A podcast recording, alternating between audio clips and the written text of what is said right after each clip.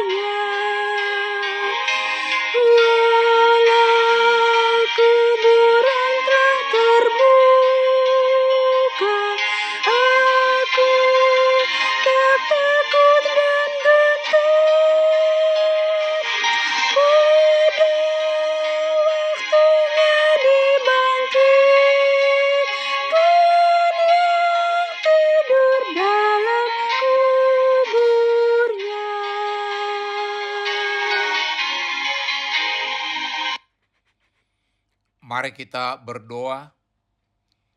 Tuhan, puji-pujian dan ucapan syukur kami naikkan kepadamu di pagi hari ini. Atas kasih setiamu, atas berkat-berkat dan penyertaanmu kepada kami. Di pagi hari ini kami hendak mendengarkan dan merenungkan firman-Mu. Ungkapkan kepada kami kebenaran firman-Mu, dan tolong kami Tuhan melakukan firman-Mu dalam hidup kami. Dalam nama Tuhan Yesus kami berdoa. Amin. Saudara-saudara yang dikasihi Tuhan Yesus, firman Tuhan untuk kita renungkan di pagi hari ini terambil dari 2 Timotius 2 ayat 11 dengan tema siap sedia menanggung penderitaan demikian firman Tuhan. Benarlah perkataan ini. Jika kita mati dengan Dia, kita pun akan hidup dengan Dia.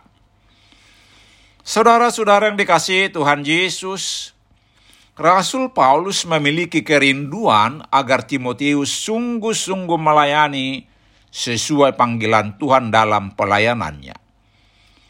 Rasul Paulus juga mengingatkan agar Timotius siap sedia menanggung penderitaan yang akan dialami sebagai konsekuensi dalam pelayanannya, seperti seorang prajurit, olahragawan dan petani yang bertanding, yang berjuang serta menderita di dalam tugas dan kehidupan.